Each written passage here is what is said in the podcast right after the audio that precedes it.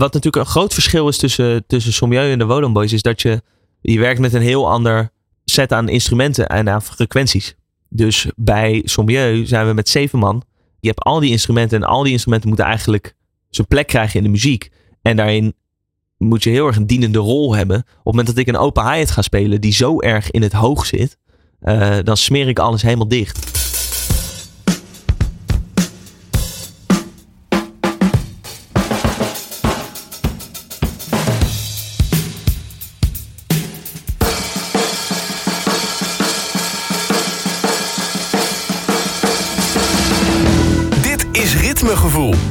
Deze podcast praat Daan Prins met bekende drummers uit de Nederlandse muziekindustrie. Om te vragen waar hun ritmegevoel vandaan komt.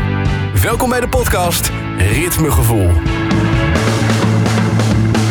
De gast in deze aflevering is de drummer van misschien wel de populairste band van dit moment. Hij begon in 2020 als invaller bij Sommieu, maar is inmiddels eh, de vaste kracht. En naast Sommieu is hij ook actief in een nou, wat steviger rockbandje zouden we kunnen zeggen bij de Wodan Boys. De gast is Olivier Lucas. Yes. Ja, welkom yes. Uh, Olivier. Ja.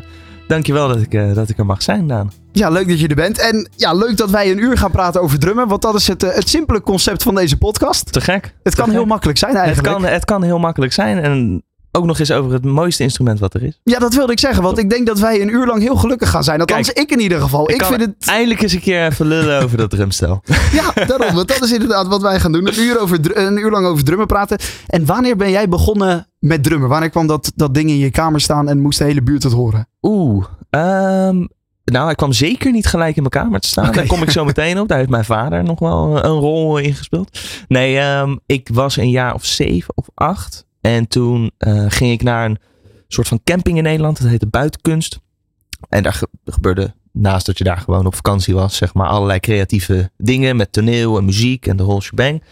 En op een gegeven moment was daar een drummer. Nou, en er, snapte iets in mij. En het was, ik was helemaal verkocht. Door die ene guy. Ik weet geen idee, nooit meer gesproken. Nee. Maar ik was in ieder geval helemaal geïnspireerd van. Ik wil heel graag drummen. Want holy shit, dit is, dit is te gek, weet je wel.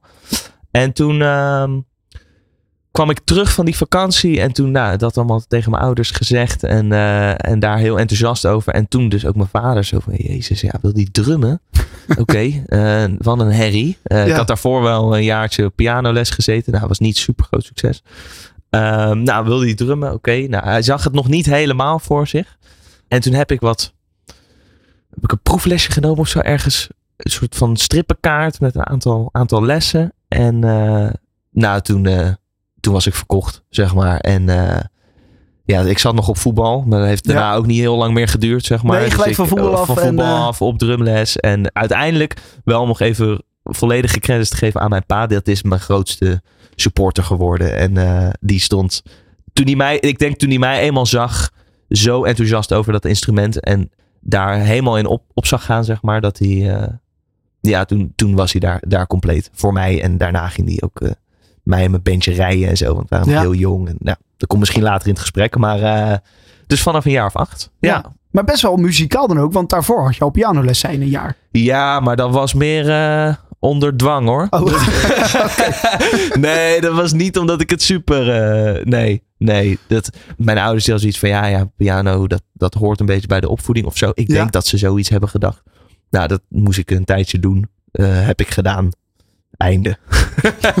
dat was het, zeg maar. Oké, en toen drummen, dat paste wat meer bij. Daar werd je gelukkiger van. Ja, ja, Ja. echt heel gelukkig. Ja. En, en wanneer werd het, want je zei vanaf jongs af aan zat je al in bandjes en reed je vader je. Vanaf wanneer werd het dan serieus? Nou, ik kwam op een gegeven moment.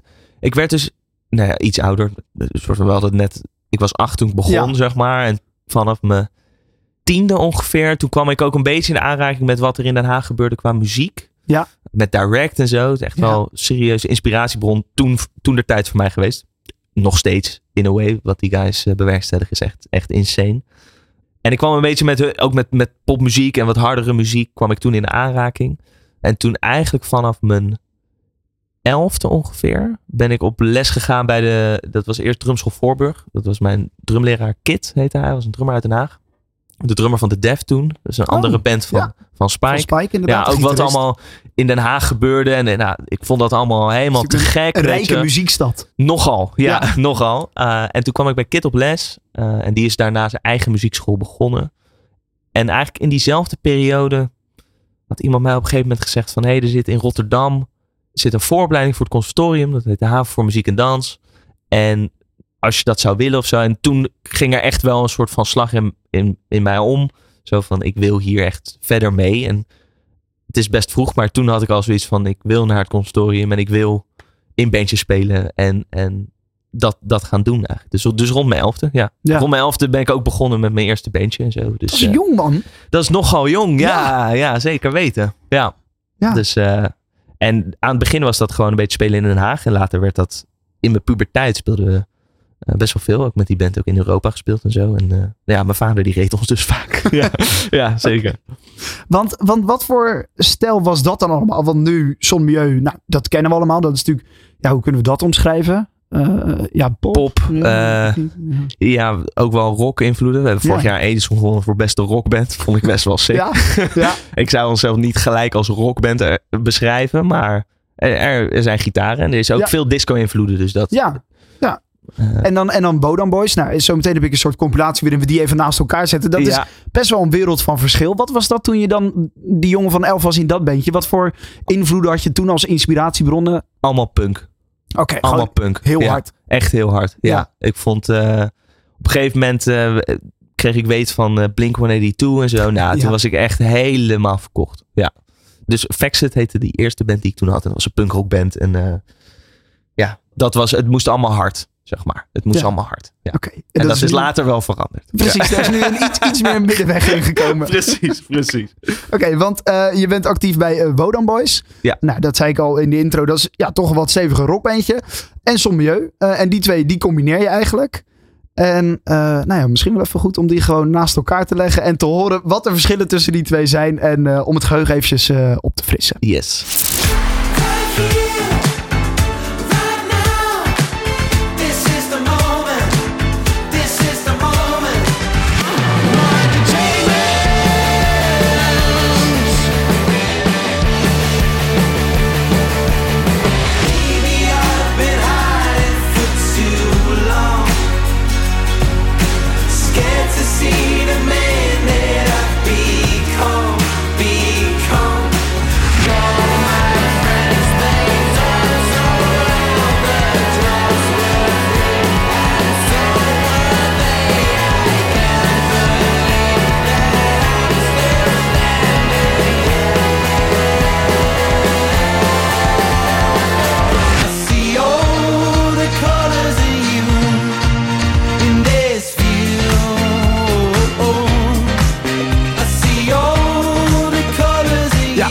Zijn jullie wel mee doorgebroken hè, met deze. Eh, Ja, dat zijn jouw woorden, maar ik, de- de- deze, deze track heeft ons geen, geen windeieren gelegd. Nee, Nee, die heeft het heel goed gedaan. Sommigen misschien al voor jouw tijd. Hiding, die in Ja. het midden zat, was denk ik al voor 2020 uitgebracht. Zeker, heb ik, daar ben ik Eh, niet op te horen. Nee, nee, Nee, nee. Eh, speel je natuurlijk wel. Ja. De- live Zeker. zeker nog wel. Die andere zijn misschien wel geschreven voor 2020, maar dat weet ik niet. Daar Nee. komen we. Nee, oké, daar ben je wel nog bij betrokken. Maar goed, deze twee, als we die nu eventjes zo naast elkaar horen. Wereld van verschil. Dat, dat is correct. Ja, ja. En dat is ook precies de reden waarom ik het doe. Ja? Ja, zeker. Ja. Het soort van. eh, het, het hardere genre is, is iets wat ik. Wat een ontzettende uitlaatklep is voor mij. En wat ook daarom denk ik zo goed naast elkaar kan bestaan. Weet je wel. Want bij, wat wij met Sommieu doen is. Nou, misschien qua drums ook echt best wel gecontroleerd. Weet je wel. Ja. We, hebben- we, hebben een, we zijn een grote band met veel mensen op het podium. Zeven man volgens mij. Zeven man, ja. Ja. Dus daarin is ook de, de productie die wij draaien en de show die wij draaien, die heeft veel plekken waar het wat vrijer is voor creativiteit om te ontstaan. Uh, maar veel is ook wel echt afgekaderd, weet je wel. Want dat is wat wij doen en daarin heb ik ook echt wel een, een functie om te dienen naar het liedje en, Ja. en dat hele ding.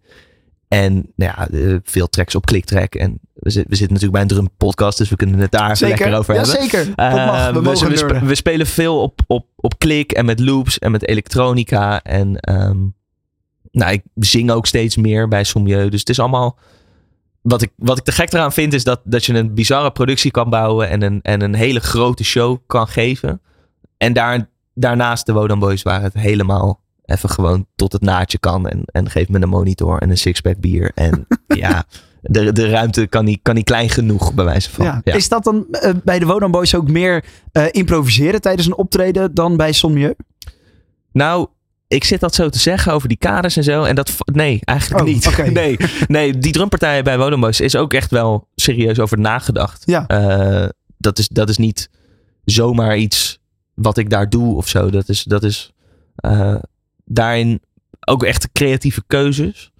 Maar gewoon het ding dat we niet op klik spelen. Het ding dat we dat, dat sets heel erg kunnen fluctueren in, in wat, je, wat je speellijst is, zeg maar. ja, dat, dat, setlist. ja, dat hebben we, dat is daar eigenlijk meer de, de vrijheid of zo. Ja. Ja. En het is gewoon eh, sowieso met, met live spelen, of dat nou bij Sommieu is of bij de Wonan Boys, is elke show is weer compleet anders, weet je wel. Ehm, en bij de Wonan Boys kan ik gewoon even lekker rachen en eh, verstand op nul. En Ja.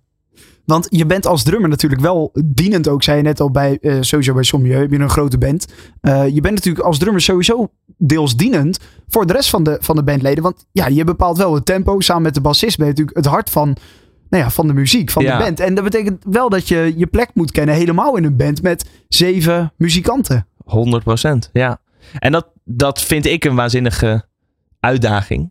En een waanzinnige rol om in te nemen. Van, ik voel me daar heel fijn bij, zeg maar. Ik voel me heel fijn achter een drumstel. Eh, sowieso, want ik vind dat een leuk instrument. Maar ook die rol binnen een band. Ik ben geen frontman. Nee. Snap je? Eh, Ik ben niet iemand die bijvoorbeeld per se voor aan het podium moet staan.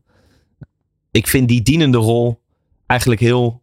krijgt er heel veel voldoening uit, zeg maar. Ja. Dus eh, ja, en dat, en dat is in beide bands het geval natuurlijk, want je bent gewoon drummer. Ja. Ehm, en daarmee bepaal je inderdaad bepaalde dingen. En bijvoorbeeld tempo en, eh, en dat soort dingen. Dus je, je hebt ook een beetje de rol misschien om het, eh, om het geheel een beetje binnen bepaalde kaders te houden. Ja. Of zo. Ja. En, en eh, daarin weer heel anders dan bijvoorbeeld een frontman of een frontvrouw. Die het eigenlijk alle kanten op kan sturen, zeg maar. Ja, ja die, kunnen, die kunnen loopjes maken en die kunnen een beetje naast de tel gaan zitten en alles. En Die, die kunnen Ja. naast het tel gaan zitten. Die kunnen, die kunnen zeggen van... Als er bijvoorbeeld een, een interactieding is met het publiek. Ja, Weet je wel, van ja. oké, nou we gaan nu dit ding helemaal loopen, weet je wel. En vervolgens, dat is natuurlijk het 1 2'tje waar je in belandt. Als je Zeker. live speelt en wat zo gaaf kan zijn. Waarin sommige shows helemaal raak kunnen zijn. En sommige, sommige shows totaal niet, weet je wel. Dat je het podium afloopt en echt denkt van... Oké, we zaten even niet met z'n allen op dezelfde pagina. Maar daar ontstaat wel een stukje magie, denk ik. Ja. zoek jij dan ook extra de interactie op met de andere bandleden om te zorgen dat je die groep een soort van bij elkaar houdt?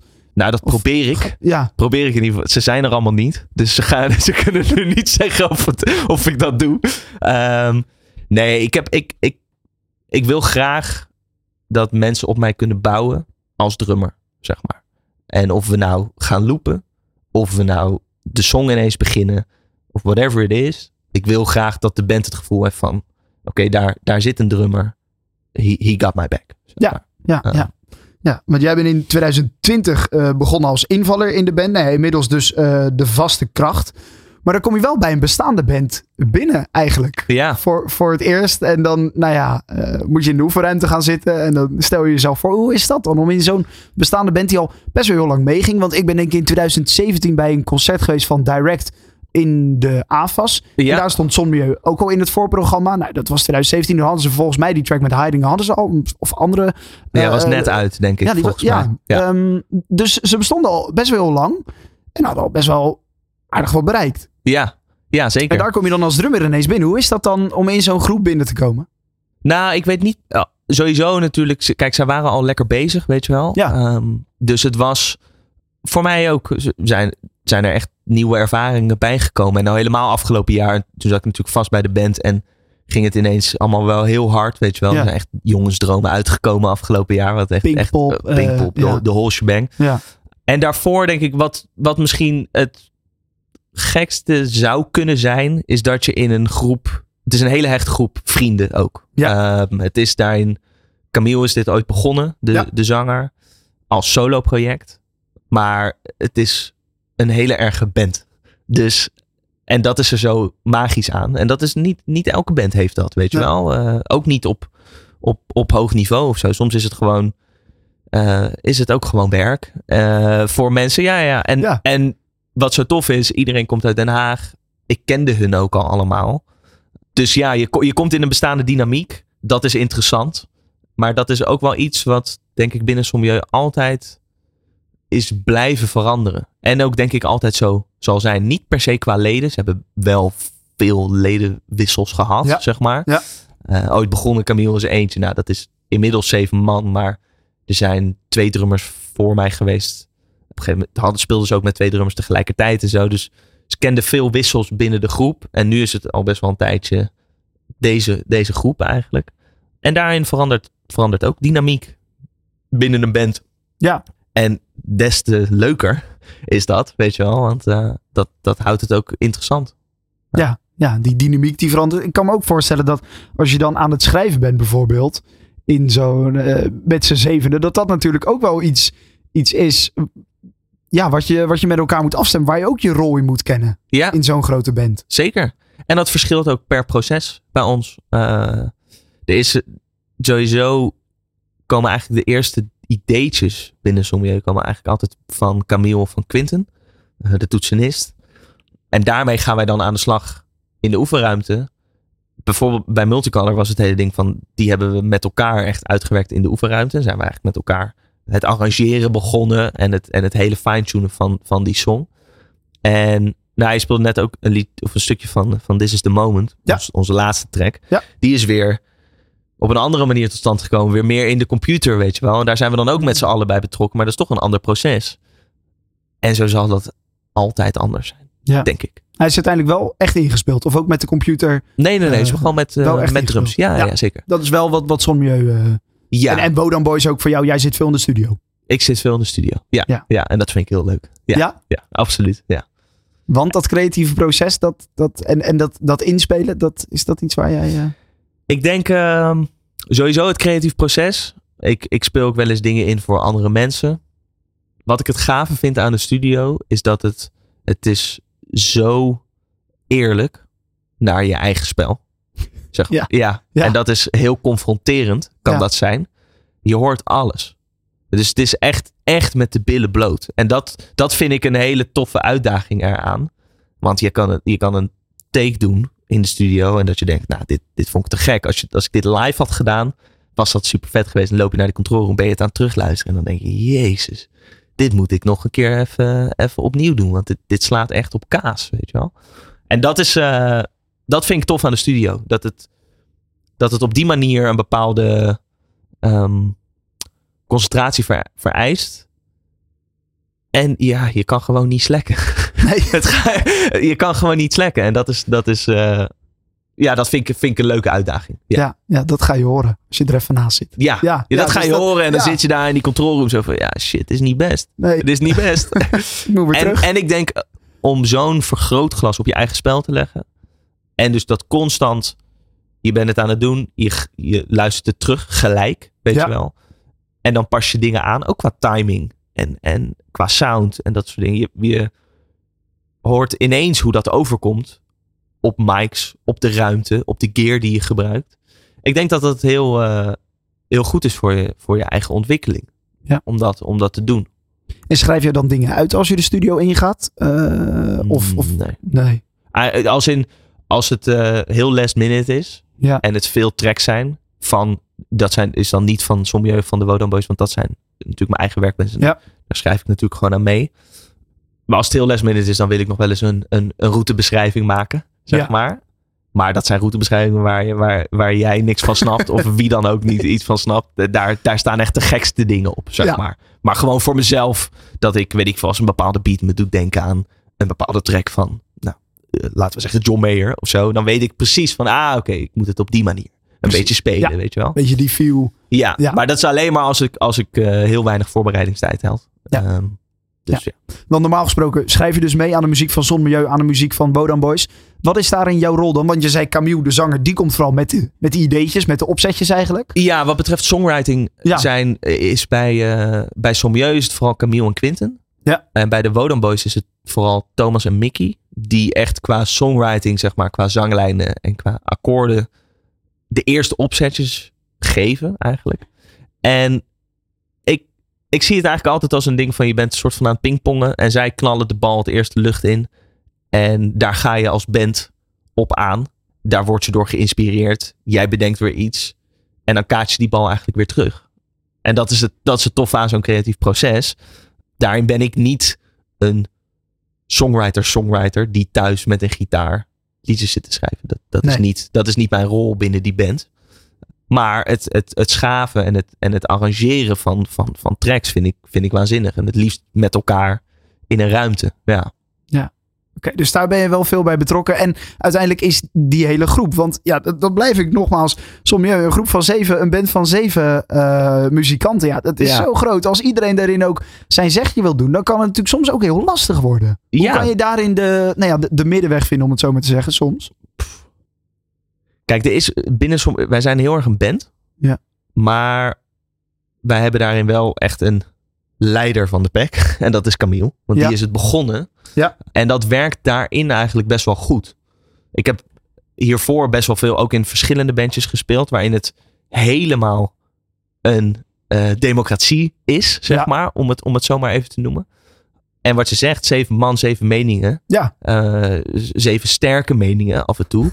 En soms kom je daar niet uit. En dan, dan is het heel fijn dat één iemand eigenlijk het veto heeft. Ja. En iedereen is daar ook best wel content mee. eh, dat dat zo is. En natuurlijk zijn er wel eens. eh, nou, geen oneenigheden, maar ben je het misschien creatief ergens niet mee eens met elkaar.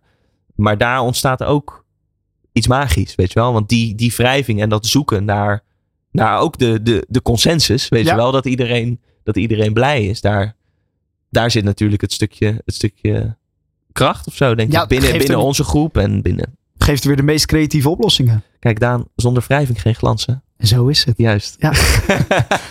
Hey, als we het dan weer even eh, op het drummen moeten betrekken, dan Ja. eh, moet je natuurlijk optreden, optreden en dan heb je een bepaalde setup bij je. En die is best wel groot, want we horen ook percussie eh, in Sommieu. Misschien wel even leuk om daar iets van te laten Heb horen. je iets van... eh, Ja, ik heb, ik heb, want de, de, de, de, de Congo die staat volgens mij naast jou, eh, ook bij je, bij je drumstel. Nou, we hebben sowieso... Iedereen heeft wel shakers. Ja, ja. shakers of tamboerijnen of sambaballen. Dus dat doet eigenlijk iedereen.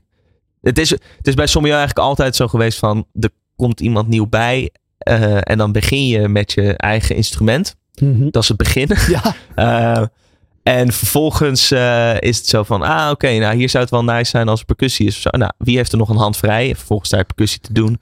nou, ik kwam bij de band. eh, ik wilde niet echt zingen. Ik ben daar niet zo goed in. Nou, voor je het weet heb je een mic voor je ik neus. wou net zeggen, daar ben gaan je aan het zingen, weet gaan we het zo meteen nog over hebben. Ja, of in ieder geval doen alsof. nee, ehm, dus dat is heel leuk aan die, aan die groep. Dat Ja. het eigenlijk altijd zo is van oké, we hebben een creatief idee. Nou, hoe gaan we het oplossen met dat het live gespeeld wordt? En daar in- is percussie een, een groot onderdeel binnen, binnen onze groep. Dus iedereen heeft shakers, eh, dat hele ding. We hebben Justin, die doet saxofoon en Ja. conga. Dus echt de, de, de, de, Ja. grote, de grote jongens, die staan ook aan zijn kant. En dan heb ik heb een setje bongo's. En Camille heeft ook een set bongo's. Ja, oh ja. Dus dat is eigenlijk een beetje Ja. de verdeling. Ja, nou ja, en die hoor je ook wel in de muziek. Bijvoorbeeld in eh, 1992. Back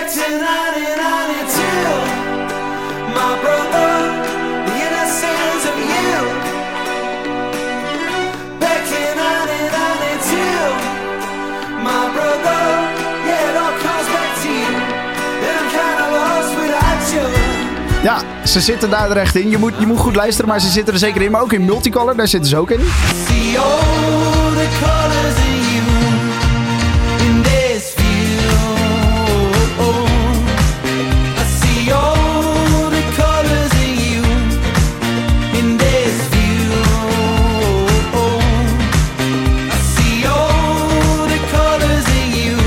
Wat wel, wat wel vet, als ik, als ik het even Zeker, mag, mag ja. Wat wel vet is bij, bij Multicolor, hoe we dat hadden opgenomen, is... We hadden de drums getrekt. Daarna hebben we een rondje, of drums met percussie. Eh, dus met eh, Justin op conga's en ik die een gedeelte van de bongo-partij speel. Daarna hebben we nog bongo's met stokken en met handen opgenomen. En toen hebben we helemaal aan het eind van het proces nog een aantal takes met z'n zevenen in één ruimte rond één mic gedaan. Met een soort van hele percussiedoos. En iedereen had wat en klapte. En die hele soort van saus, die zit er ook nog eens onder, zeg maar. Ja, Ja, het is zo'n vol geluid. Er nou, zit- dat, dat zit- krijg je ja, als je dat dit allemaal ja. stapelt, zeg maar. Ja. het is een soort van bokspring die, Ja. we, die we proberen te maken. Er zit zoveel in. Het is echt waanzinnig.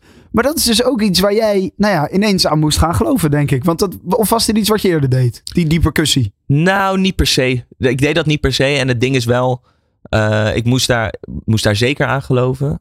Ik heb over het algemeen natuurlijk wel twee stokken in mijn hand. Ja, Op het moment dat ik speel. zeker. Eh, ik ben ook niet zo heel goed in bongo's met mijn handen spelen. Nee, nee. Dus alle bongo's die met de handen gespeeld worden, die worden door Justin of door Camille gedaan. Ja. Want ik kan dat gewoon niet super goed, weet je wel. Dus het is een stukje percussie, maar daarin wel de combinatie met, met stokken eigenlijk. Ja. Dus ik heb mijn bongo's, maar daar, daar sla ik op met stokken. Um, en die, die, die behandel ik niet als een normale tom, bijvoorbeeld. Mhm. Eh, daar zit wel enige souplesse in. ja, sla je Eh, dat ding helemaal aan gort. exact, Ja. exact. Maar op die manier was het niet per se heel erg wennen. Of zo. Oké. Ja, want jij schrijft ze niet.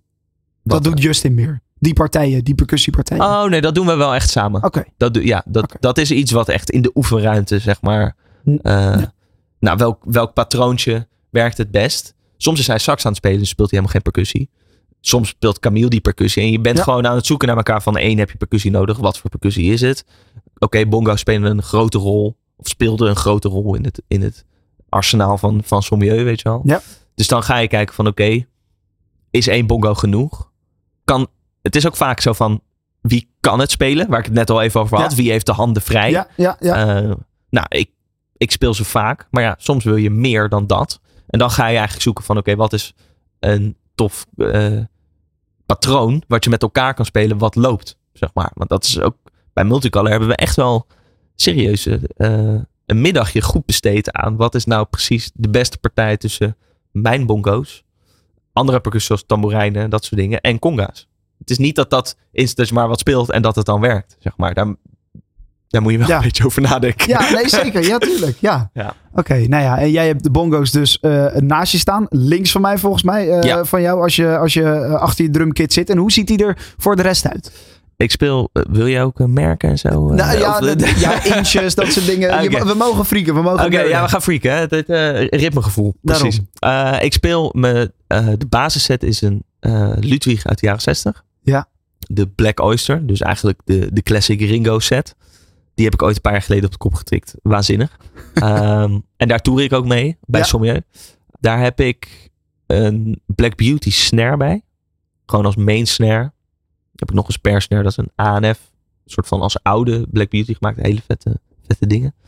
Dus een main, eh, main Black Beauty 14 bij 6,5. Gewoon zo'n diepe. Ja. Ehm, voor, met Tom is eh 13 bij 9, denk ik. Of Ja. 8. Gewoon die standaard maat. Ja. Eh, 22 bij 16 kick. Zonder voorvel. Die heb ik eraf gehaald. En er zitten twee mics zitten erin geschroefd eigenlijk. Voor de nerds. Ik heb geen gaten geboord in mijn drumstel. Heel goed. Niks aan de hand. Eh, dat, daar hebben ze hele mooie systeempjes voor. Waarmee je dat aan de eh, stemmechanieken kan vastmaken. Dus daar hangen twee mics in. Ja. En dan heb ik een 14 of een 16 bij.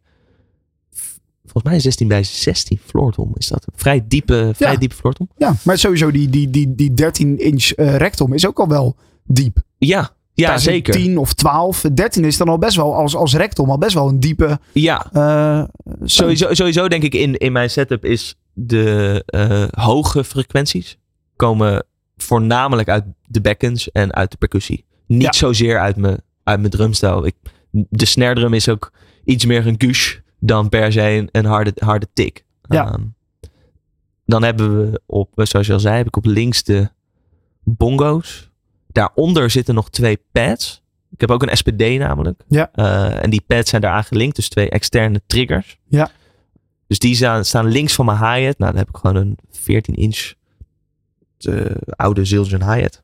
Eh, klinkt lekker, volgens mij. ben er blij mee. Eh, en een 22 inch right. Ja. En dan heb ik ook nog een, we noemen dat altijd de plinkploing binnen onze groep. Een tijdje geleden speelde er een andere drummer mee, Thijs heette hij, bij Sommieu.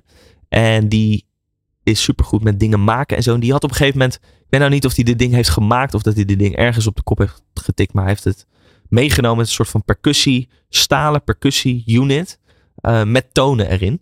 Eh, en die, heeft, die zit in een paar best wel eh, iconische sommieu-partijen, die ook al zijn bedacht voor mij. Eh, dus het is, dat is wel een stukje, stukje sommieu-geluid wat, wat, niet meer, wat niet meer weg te denken is uit Die de moest jij toevoegen aan je kit. Ja, ik Ja. moest en zal daarmee gaan spelen. Ja, Ja, absoluut. En het is, wat wel kick is aan dat ding, het is zo hard. Ik speel helemaal niet zo heel hard bij die band, maar dat ding is zo hard. Het heeft geen mic. En in waar wij ook spelen, dat ding wordt nooit uitgemaakt. Dus met onze front of house heb, heb ik het er vaak over. Weet je wel, zo van, oké, nou, we hebben ook vorig jaar eh, in Ahoy gespeeld en zo. Weet je, gigantische dingen. Ik ga het niet uitmaken, want het, het komt door alle andere mics, komt het al hard genoeg binnen, joh. Ja, Ja, dus, door eh, merg en been gaat hij. ja, Ja, ja, exact, exact. En eventjes om dan, jij zei um, je bassdrum, daar heb je geen voorvel. Dat klopt. Waarom heb je die keuze gemaakt? Wat, wat Eh, verandert dat aan het geluid als je die weghaalt? Je hebt er een dubbele mic in zelfs. Meestal zie je eh, zo'n voorvel met, met een gat erin. En daar wordt dan die mic ingezet. Of die wordt er net, eh, net eh, ja, off the center. Hè. Zo kan je natuurlijk allemaal op verschillende plekken neerzetten. Jij haalt en dat vel weg. En je zet twee mics erin. Ja, het, het vel is weg om de sustain eigenlijk zo kort mogelijk te maken. Dit is een idee wat is ontstaan tijdens het opnameproces van Multicolor. Daarin waren we eigenlijk bezig met die, met die kicksound zo kort mogelijk krijgen. En toen was het zo van oké, op een gegeven moment zullen we gewoon die, dat voorvel eraf halen. Want dat is hoe heel veel oude discotracks uit de jaren 80 zijn opgenomen. Gewoon zonder voorvel. En ook al 70s met de band en zo, die deden dat ook al. Ehm, waardoor je een hele korte kick krijgt eigenlijk. Het geluid is gelijk weg. Het resoneert niet. Exact, je hebt niet een, een, een lange sustain in het laag. Ja. Ehm, en omdat wij best wel veel disco-invloeden hebben, weet je wel, voor een floorbeats dat gespeeld wordt, wil je, wilden we eigenlijk die sound opzoeken. Ehm, en toen hadden we ook zoiets van, laten we dat live ook gewoon doen. En toen hebben we hem op een gegeven moment eruit gehaald. En ik heb dus twee mics die er echt in de bassdrum zitten. Ik weet nu niet precies de merken. Ja, dat geeft niet. Uh, maar die zitten ook exact voor mijn, voor mijn, slag, uh, voor mijn slagvel eigenlijk. In het midden. Dus daarin, ja, je kan niet echt meer off-center doen of zo. Als je geen, geen voorval hebt, dan tas je een beetje in het duister. Ja. Uh, maar dat zorgt eigenlijk voor die, voor die hele punchy korte kick. Ja. Okay. Maar nog wel met verbazingwekkend veel laag. Waar ik wel van stond te kijken. Toen dit idee kwam. Zo van, oké, okay, ik wil niet, al helemaal niet als je daar een mic plaatst, moet geen metal kick worden. Zeg nee. maar. Dat, dat wilde ik absoluut niet. Maar dat ding, dat ding heeft een laag waar je, waar je u tegen zegt. Ja. Dus ik ben heel blij uh, met ja. die keuze. Ja. ja, en dat is ook iets wat je dan met de front of house, de mixers, degene die het geluid uit de boxen laten komen, om het zo maar even simpel te zeggen. Afstemt. Uh, ja, ja, afstemt inderdaad. Je moet daar met hun ook wel over praten. Hoe je dat gaat doen, hoe zij je moeten uh, afstellen. Ja, 100 procent. Het, ding is, het idee ontstaat dan. En, en in dit geval zelfs, we hebben dat vel eraf gehaald. En toen zei onze front of house van... Oké, okay, dit vind ik te gek. Maar die ene mic werkt nu niet goed. We gaan nu een andere mic proberen voor dit idee, zeg maar. Dus op die manier er is heel veel dialoog daarover. Over onze hele setup en over wat het beste werkt tussen ons en de, en de mensen met wie wij werken. Um, die daarin echt legendarisch zijn. Want die, die denken daarin heel goed mee. En die, die, horen, die horen zoiets. En die hebben zoiets van, oké, okay, hier moet een andere mic. Je moet een andere mic bij. En vervolgens gaan we dat clubshow later gaan we dat proberen, weet je wel. En ja, uh, ja zo door dat continue fine-tunen van, van de sound, eh, zowel op het hele bandniveau als drumsound, denk ik dat wij, of in ieder geval kan ik zeggen dat ik best wel blij ben met de sound die, die nu staat, weet je wel. Uh, en dat komt mede daardoor. Maar, ja. Ja, het is mooi als je daar zo met z'n allen ook mee bezig bent en daarover na kan denken en nou ja, daarin kan experimenteren. Dat is natuurlijk heel tof. En ja. daarnaast heeft Sommieu best wel een bepaalde sound. Die disco sound, zei je, voor on the floor zit er veel in. Ja. Um, dat is dus wel iets herkenbaars ook, uh, wat jij als drummer uh, in je achterhoofd moet houden bij het schrijven van muziek met Sommieu. Ik denk dat, dat iets het, wat erin het, zit? Het of? gaat vrij automatisch. Het gaat vrij automatisch, denk ik.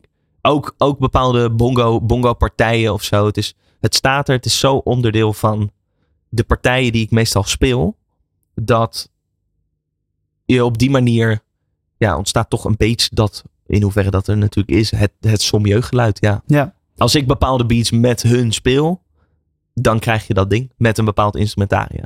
Maar wat is dan de basis? Heb jij soms dat je standaard een nummer begint met, de- met, met een basis sound of zo? Is dat een four on the floor? Moet dat? Of Oh nee. Nee, nee, nee, totaal niet. nee? Nee, dat mag echt, dat mag alles zijn. Dat staat compleet open, in principe.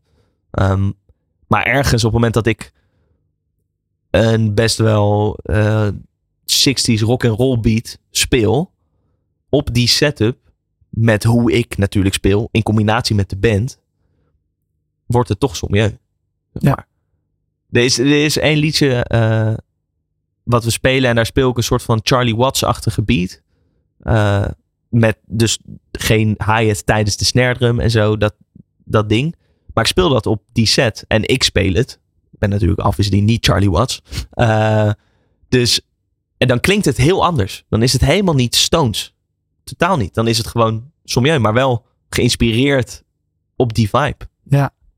Dus daarin, daarin hoop ik in ieder geval dat er altijd een beetje het eigen sausje blijft ontstaan. Want Ja. anders eh, kan ik net zo goed in een coverband gaan spelen. Ehm, en dan Wodan Boys. Eh, Een andere sound. Ehm, Correct. Gebruik je daar dezelfde, dus dezelfde set voor, diezelfde Ludwig? Heb je daar een apart drumstel voor? Is die ook zo laag en, en hard? Of, of... Apart drumstel, ehm, dezelfde maten wel. Oké, ja. Het is een drumstel wat ik zelf heb gebouwd. met eh, Kit, waar ik het al eerder even over Ja. had. Hij was eh, even een kleine doorloop van de, van de geschiedenis. Hij was eerst mijn leraar en nu ben ik hele goede vrienden met hem geworden. En eh, ik werk ook bij zijn muziekschool. En op een gegeven moment zijn wij ook samen drumstellen gaan bouwen. Een paar jaar geleden zijn we inmiddels mee gestopt. Was super leuk, maar we hebben er een aantal gebouwd, waaronder dus eentje voor mij ook. En daar Ja. speel ik op. Ehm, ze zijn nieuw gebouwd, eh, maar helemaal wel naar specs van een bepaald soort Ludwig set. Ehm, maar ja, die hebt natuurlijk hout, wat toen, nou ja, wat zal zijn, uit eh, 2018 kwam, in plaats van uit 1960.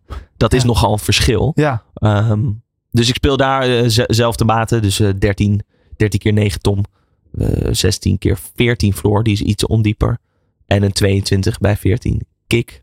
Wel met een voorvel. Ehm, maar dan wel weer met een groot kussen erin en, en demping. En ik gebruik wel dezelfde snare. Oké. Dus wel een, eh, een, een Black Beauty, ja. die neem je iedere keer mee. Ja, die neem ik elke keer mee. ja.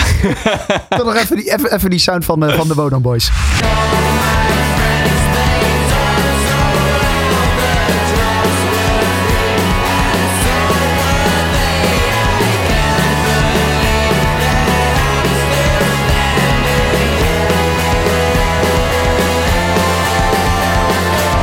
Hier bijvoorbeeld ook die open hi-hat in. Wat in Sommieu misschien niet zo snel zou gebeuren. Nee, die gebruik ik inderdaad, die, die, die, eh, die gebruik ik niet zo heel vaak. Nee. Nee.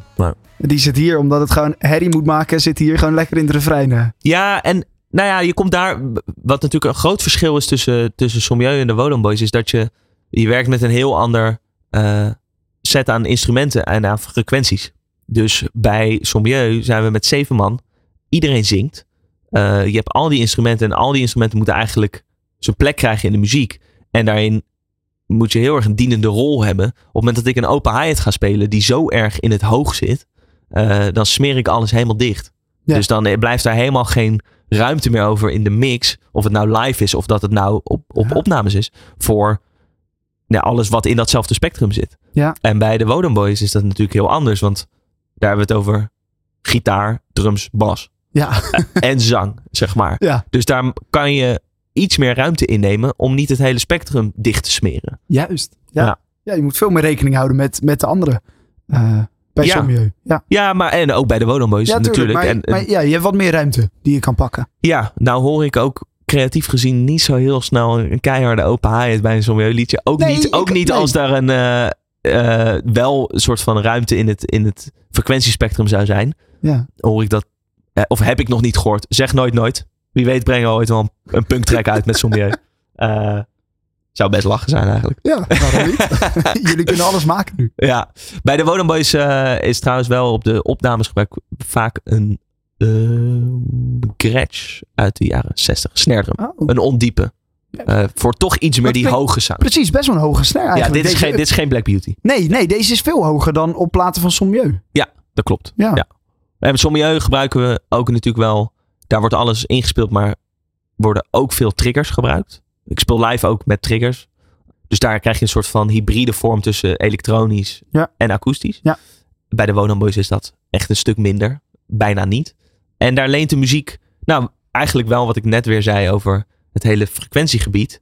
Op het moment dat je bij de Wonan Boys met een te lage snare drum speelt, te veel gush, dan wordt dat te rommelig in snelle muziek. Ja. Ehm, het, je wil niet, daarom wil je ook geen, geen bassdrum hebben die te lang doorklinkt. Omdat dat is super vet als je nou, langzame singer-songwriter muziek maakt. Want dan heb je veel meer ruimte tussen noten. En niet alleen met je drums, maar in, in de song aan zich. Er is ruimte voor een, voor een instrument met sustain.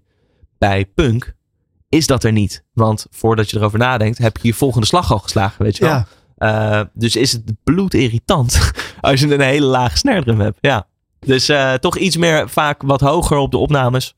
Maar live, eh, Black Beauty, ja, ik denk dat elke drummer die tegenover je zit hier wel zal zeggen dat dat wel een van de go-to's is om, om te gebruiken. Ja, Ja. mooi.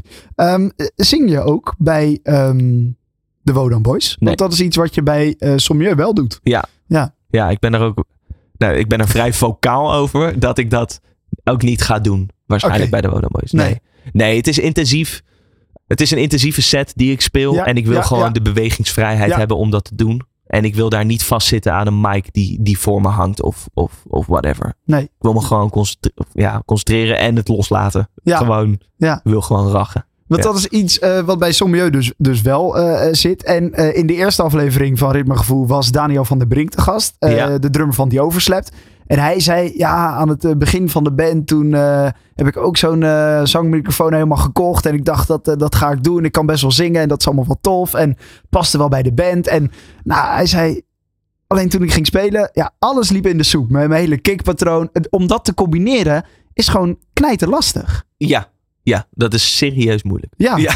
Dus en dat zei, is niet heel, veel, niet heel veel moeilijker dan andere instrumenten hoor, denk ik. To Nee. be honest. Gewoon het gegeven. Wat er, vaak, wat er vaak bij Sommieu gebeurt, is dat dan gaan wij de oefenruimte in. Ligt een beetje aan. Oké. Verschil of het liedje is geschreven in de oefenruimte of dat het vanuit de computer is gemaakt. Ja. Toen ik bij de band kwam, toen werd er nog veel gedemoed vanuit de computer. Ja. Ehm, dus dan was er een opname gemaakt. En vervolgens moesten we die gaan vertalen naar live. En Ja. wat er dan gebeurde was, nou, we gingen helemaal uitzoeken van, oké, dit hebben we allemaal opgenomen. Hoe gaan we dit live zo vet mogelijk vertalen? Of geven we er een eigen twist aan dat het anders wordt? Maar kicken, weet je wel? Nou, ben je daarmee bezig, maar dan nog zonder vocalen. En dan komen we eigenlijk altijd in dat proces, komt er op een gegeven moment dat moment van, ja guys, maar we moeten niet vergeten, we moeten ook nog gaan zingen. Vervolgens gaan we proberen te zingen. Nou, en dat is alsof het hele kaartenhuis van het Holland Casino, zeg maar, gewoon van de tafel aan flikkert. En dan denk je echt, gewoon, nou ook ik als drummer, weet je wel, dan ben je weer aan het spelen en denk je, jezus, wat ben ik aan het doen joh. Dit is niet best. Ja. Dit is niet best.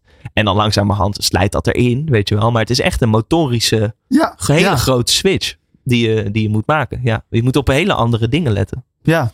ja, want hij heeft hem na één repetitie gelijk eh, weer bij de prullenbak eh, gegooid. Oh ja? Ja. Dat is misschien iets wat jij ook wel wilde, maar uiteindelijk wel inmiddels standaard erin zit. En dus, maar dat is dus vooral gewoon heel veel oefenen, spelen, zingen, oefenen en dat door en door. Ja, dat is eigenlijk dat is het ding geweest. Toen ik begon bij Sommieu, dat, dat was eerst als invaller. Ja. Ehm, en toen we op een gegeven moment ook live shows gingen doen, toen zong ik nog niet Nee. aan het begin.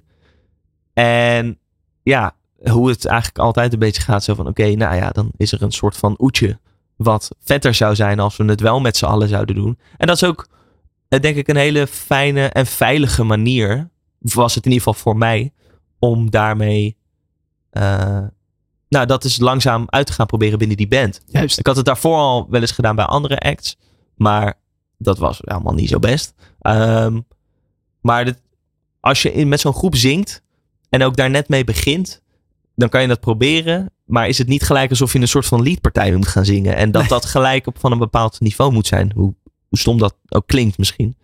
En langzaam kon ik daar een beetje aan wennen. Aan, aan zo'n mic ervoor. En nu zing ik eigenlijk eh, ja, best wel wat. Ja, en dan de bewegingsruimte wat je zei, want je moet wel in de buurt van dat ding blijven. Ja, ja dat, dat klopt. Ik heb hem de hele tijd. Ik heb niet zo'n soort van hengel over me heen. Ik heb gewoon een normale stand. Eh, want zo'n hengel vind ik gewoon niet zo kick uitzien.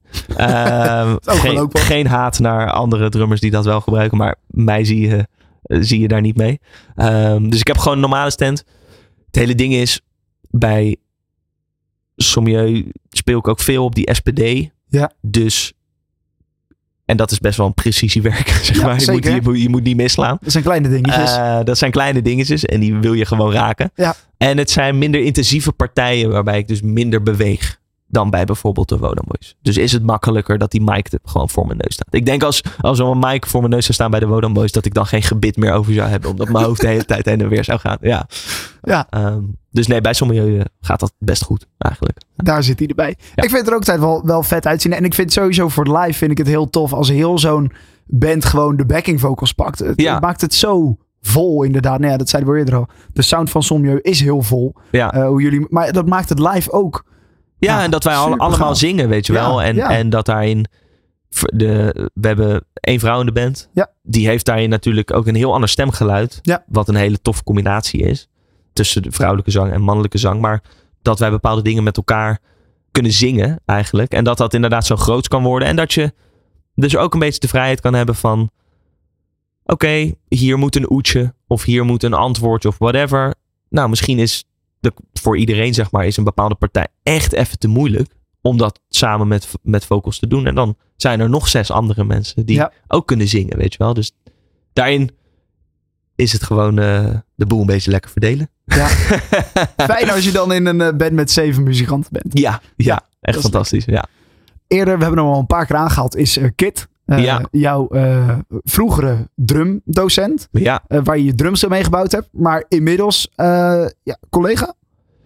Of collega. Ja, je, ja. ge- je geeft op zijn, drum, op zijn drumschool, muziekschool, geef jij drumles. Ja, daar geef ik, daar geef ik nog, nog drumles. Ja, en dat doe ik al best wel lang. Ehm, ja, collega, hele goede vriend, Ja. Partner in crime. Eh, ja, grote shout-out naar hem. Hoe, Ja. is dat zo, hoe is dat zo gegroeid? Dat je, dat je daar eh, muziekles ging geven? Want ook dat is natuurlijk... Ja, je kan heel goed drummen, drummen. Maar om les te geven aan anderen... Dat is ook weer een andere tak van sport. Ja, ik denk. ehm, nou, we gaan even terug in de tijd dan. Ehm, dus ik was bij hem op, op les gekomen toen ik elf was. Toen heb ik tegen hem gezegd van, hé, hey, ik wil, waar, waar ik net al aan refereerde, ik wil graag naar die haven voor muziek en dans. Maar die voor, want ik wil uiteindelijk naar het conservatorium. Dat was Ja. het ding, uiteindelijk. Ja. Eh, dus ik wil eerst naar de vooropleiding voor het conservatorium, dan daar. Nou, dus hij, hij zegt van, oké, is prima. Eh, ik deed net een beetje tof over dat voetballen, maar hij was degene die tegen mij zei, yo, jij moet nu stoppen met voetbal. Want Want één, het is heel blessuregevoelig. En twee, je hebt er helemaal geen tijd meer voor, Goos. Dus dat, toen was ik elf. Ik kan me dat moment nog heel goed herinneren. In het keukentje van zijn muziekschool. Dat hij Ja. tegen me zei van, het lijkt me echt beter als je stopt. Dus ik zei, oké. Nou, een week later gekapt.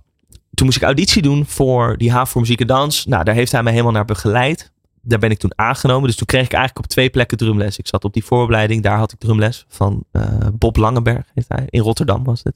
En ik zat nog steeds gewoon op privéles erbij. En ik had mijn beentjes en dat hele ding. En toen gaandeweg zijn we eigenlijk steeds meer gaan hangen. En hij gaf altijd op de woensdag les. En op een gegeven moment werd ik zijn laatste leerling. En dat werd niet een uur les, maar dat werd gewoon de hele avond lullen, weet je wel. Eh, en op een gegeven moment werden ook die woensdagavonden werden een soort van legendarische plek. Want er kwamen uiteindelijk ook allerlei andere mensen en zo naar die muziekschool. eh, waar we het gewoon hadden over muziek. En daarvoor had ik, had ik gewoon drumles van hem. ja, Ehm, ook nog steeds bezig met het, het, het doel van het naar het conservatorium gaan. Ja. Weet je wel? En nou, hij had blijkbaar op een gegeven moment zag hij echt iets. Of, nou, hij zag sowieso iets in mij, weet je wel. Anders wilde hij, dat- wilde hij niet dat traject met mij aangaan. Eh, maar toen heeft hij op een gegeven moment gezegd van... Hey, wil je een keertje invallen, drumles geven? En toen op een gegeven moment toen ik 15 was, toen zei hij van... Zou je het niet willen proberen, weet je wel? Gewoon met beginnende leerlingen. En toen ben ik eh, in het diepe gegooid. En toen Dat ben ik daar les... Ja, dat is zeker jong. Ja, absoluut. Absoluut. Ik doe het nu bijna 11 jaar. ja. En, toen, en, en wat is daar zo leuk aan, aan dat lesgeven? Heel veel. Echt heel veel. Ik ben er toen de tijd mee begonnen. Ik doe het al best wel lang. Ik doe het op dit moment. Het is, het is natuurlijk ook een tijd eh, geweest voor de inkomsten. Het was Ja. mijn werk, weet je wel. Eh, dat hoeft op dit moment niet per se meer. Nee. Maar ik vind het waanzinnig om te doen. En dat is ook nog steeds waarom ik het doe. Ik vind die interactie die je kan hebben met kids. En uiteindelijk nu ook met, met volwassenen. Zo ontzettend gaaf. Want je hebt aan de ene kant heb je, heb je leerlingen die komen en die er echt serieus mee aan de slag gaan. Ja. Eh, dus nou, waarvoor je bijvoorbeeld werkt richting een, eh, richting een auditie van een muziekopleiding, weet je wel, eh, Ja. welke het ook is. Ehm, dus waar je echt zo'n traject in gaat, zo van oké, jij, jij, jij ziet het voor je, is cool, maar dan ga ik je klaarstomen en dan moet er een beentje komen en dan dat, dat hele project. En je hebt leerlingen die gewoon, die willen gewoon drummen. En die willen gewoon lekker slaan. En daar is niet zoveel ambitieus in of zo. Maar dat is een waanzinnige uitlaatklep. En daarin merkte ik soms, en lang niet bij iedereen, eh, maar dat ik een bepaalde band, of ik heb heel, een hele sterke band met mijn leerlingen, weet je wel. Ik heb, Ja. ik heb een jochie, wat ik net zei, ik geef daar bijna elf jaar les. Dat was mijn tweede leerling. Ik geef die jongen elf jaar les. Een soort van, dat is bizar Ja. om iemand op les te krijgen toen hij 16 was. Nu is hij 7, of toen hij 6 was. Nu is hij 17. Ik heb een soort van elke periode in, in dit gedeelte van zijn jeugd heb ik, heb ik meegemaakt. En daarin was ik ook een soort van wekelijks ding voor hem om daar naartoe te gaan.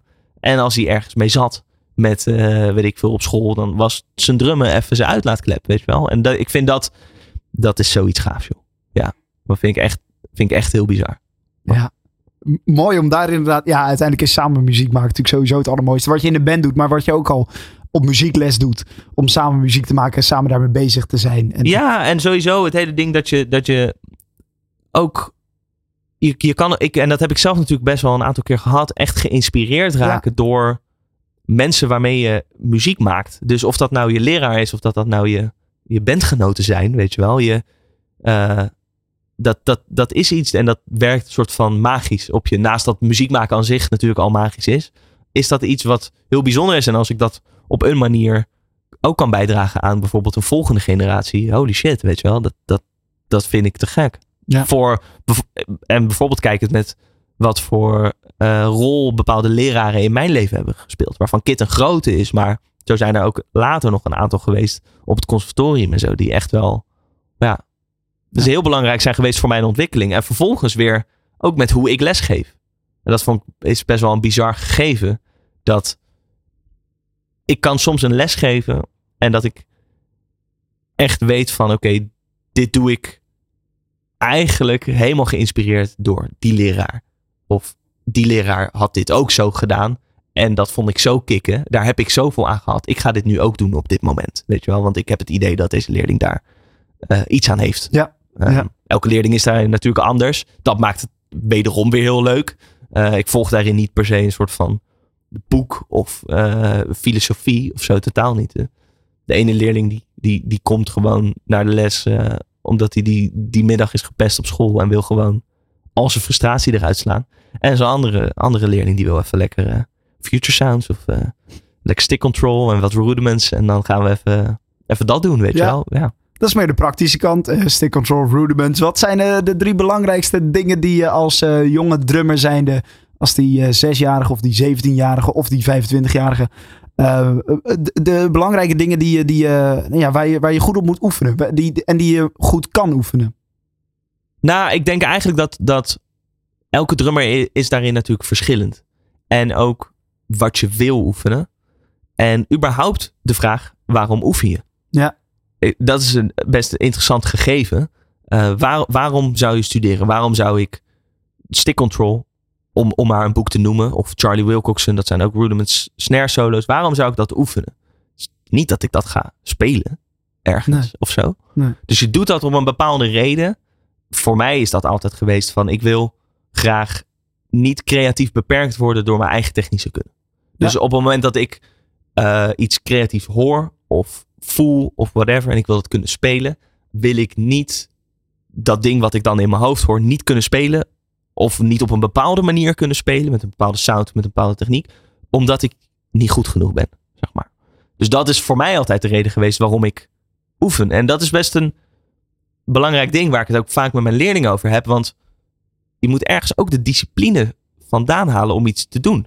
Als je natuurlijk echt wil oefenen en, en ambitieus bent, hè? want nogmaals, dat is niet voor iedereen. Nee. Ehm, dus daarin is het, is het gegeven waarom oefen je en vervolgens wat oefen je. Ehm, denk ik heel belangrijk. Ehm, je hebt natuurlijk eigenlijk altijd je soort van go-to muzikale ingevingen, zeg maar. Of, of, muzikale inspiratiebronnen. Waar gewoon, voor mij was dat punk. Ja. Ik luisterde alleen maar naar punk. Ik keek alleen maar filmpjes van, van, van punkdrummers, weet je wel. Maar, en ik deed dat. En, nou ja, ik kon dat genre, kon, ik kon snel spelen, snap je? Ik kon hard spelen. Ik kon bepaalde beats, die ging ik dan helemaal uitzoeken van Travis Barker of zo. En helemaal fantastisch. Maar uiteindelijk de iets meer diepgang en iets meer een eigen sound. In hoeverre ik dat dan heb, weet je wel. Maar waar je natuurlijk naar zoekt als drummer. Die is later gekomen op het moment dat je dingen oefent die een beetje out of your comfort zone liggen. Dus wanneer raak je ineens geïnspireerd door een discotrack uit de jaren tachtig. En denk je, wow, eh, zo'n soort eh, beat, dat hoor je eigenlijk nooit bij een punkband. Zal ik het eens een keer proberen? Ehm, en dat moet natuurlijk wel passen. Eh, je moet niet hele gekke dingen gaan lopen doen. Maar daarin komt natuurlijk wel een stukje, stukje diepgang, denk ik. En een stukje Ja. eigen, eigen sound die je kan ontwikkelen door, Ja. door dingen samen te voegen. En dan nu naar je vraag: wat kan je het beste oefenen? Sorry, blijf maar lullen, joh. Ehm, voor mij was dat, of wat ik denk dat iemand het liefst tegen mij had gezegd toen ik inderdaad jong was: doe je rudiments niet op een oefenpad, want het stuitert te veel. Oh. Maar Dus- gewoon op je... Op een oefenpad kan, maar leg er dan een handdoek op. Oh. Dus op een gegeven moment, dat is iemand die, eh, een andere leraar van mij, Ruben van Roon, op het conservatorium in Amsterdam. Daarvan moesten we hele, allemaal snare drum solo spelen en dat, dat oefenen. Ehm, en hij zei van, doe nou, doe nou nooit op een oefenpad oefenen, want het stuitert te veel. Dus je kan helemaal geen sound maken. Als het jou lukt om sound te maken uit een handdoek, of een kussen of een stoel die niet stuitert, dan lukt het ook wel op een drumstel. En ik was heel erg gewend van vroeger, een soort van, ik kan me, kan me oefenpatchen, weet je wel. En ik kon daar echt heel snel allemaal sikke paradiddles op spelen. Ja. En vervolgens ga je achter een drumstel zitten. En is die, is die rebound is een heel andere, hele andere tak van sport.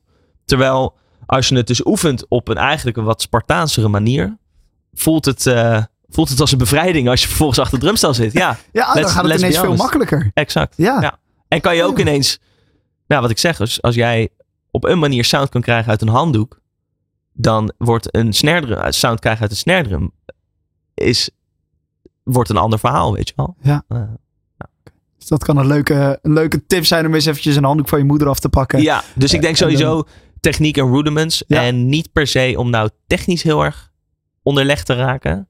Eh, dat is voor ieder genre en voor elke drummer aan zichzelf. Weet je wel, van nogmaals, heb ik het nodig om een creatieve eh, uiting te geven, zeg maar.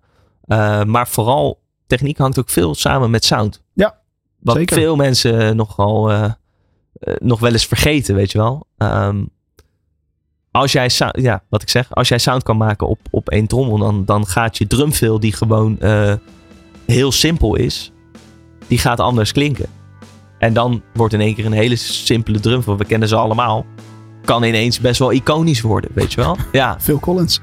om er maar één Ja, te noemen, weet ja, je wel? Ja, ja. Oké, tof. Gaan we dat oefenen. Ja. Ik, ik vond het waanzinnig dat je er was, eh, Olivier. Eh, en ehm, ja, tof dat we even een uurtje hebben kunnen praten, kunnen frieken. Maar daar is deze podcast voor. En eh, dank voor je komst en heel veel succes bij Sommieu en de Wodan Boys. Dankjewel, thanks.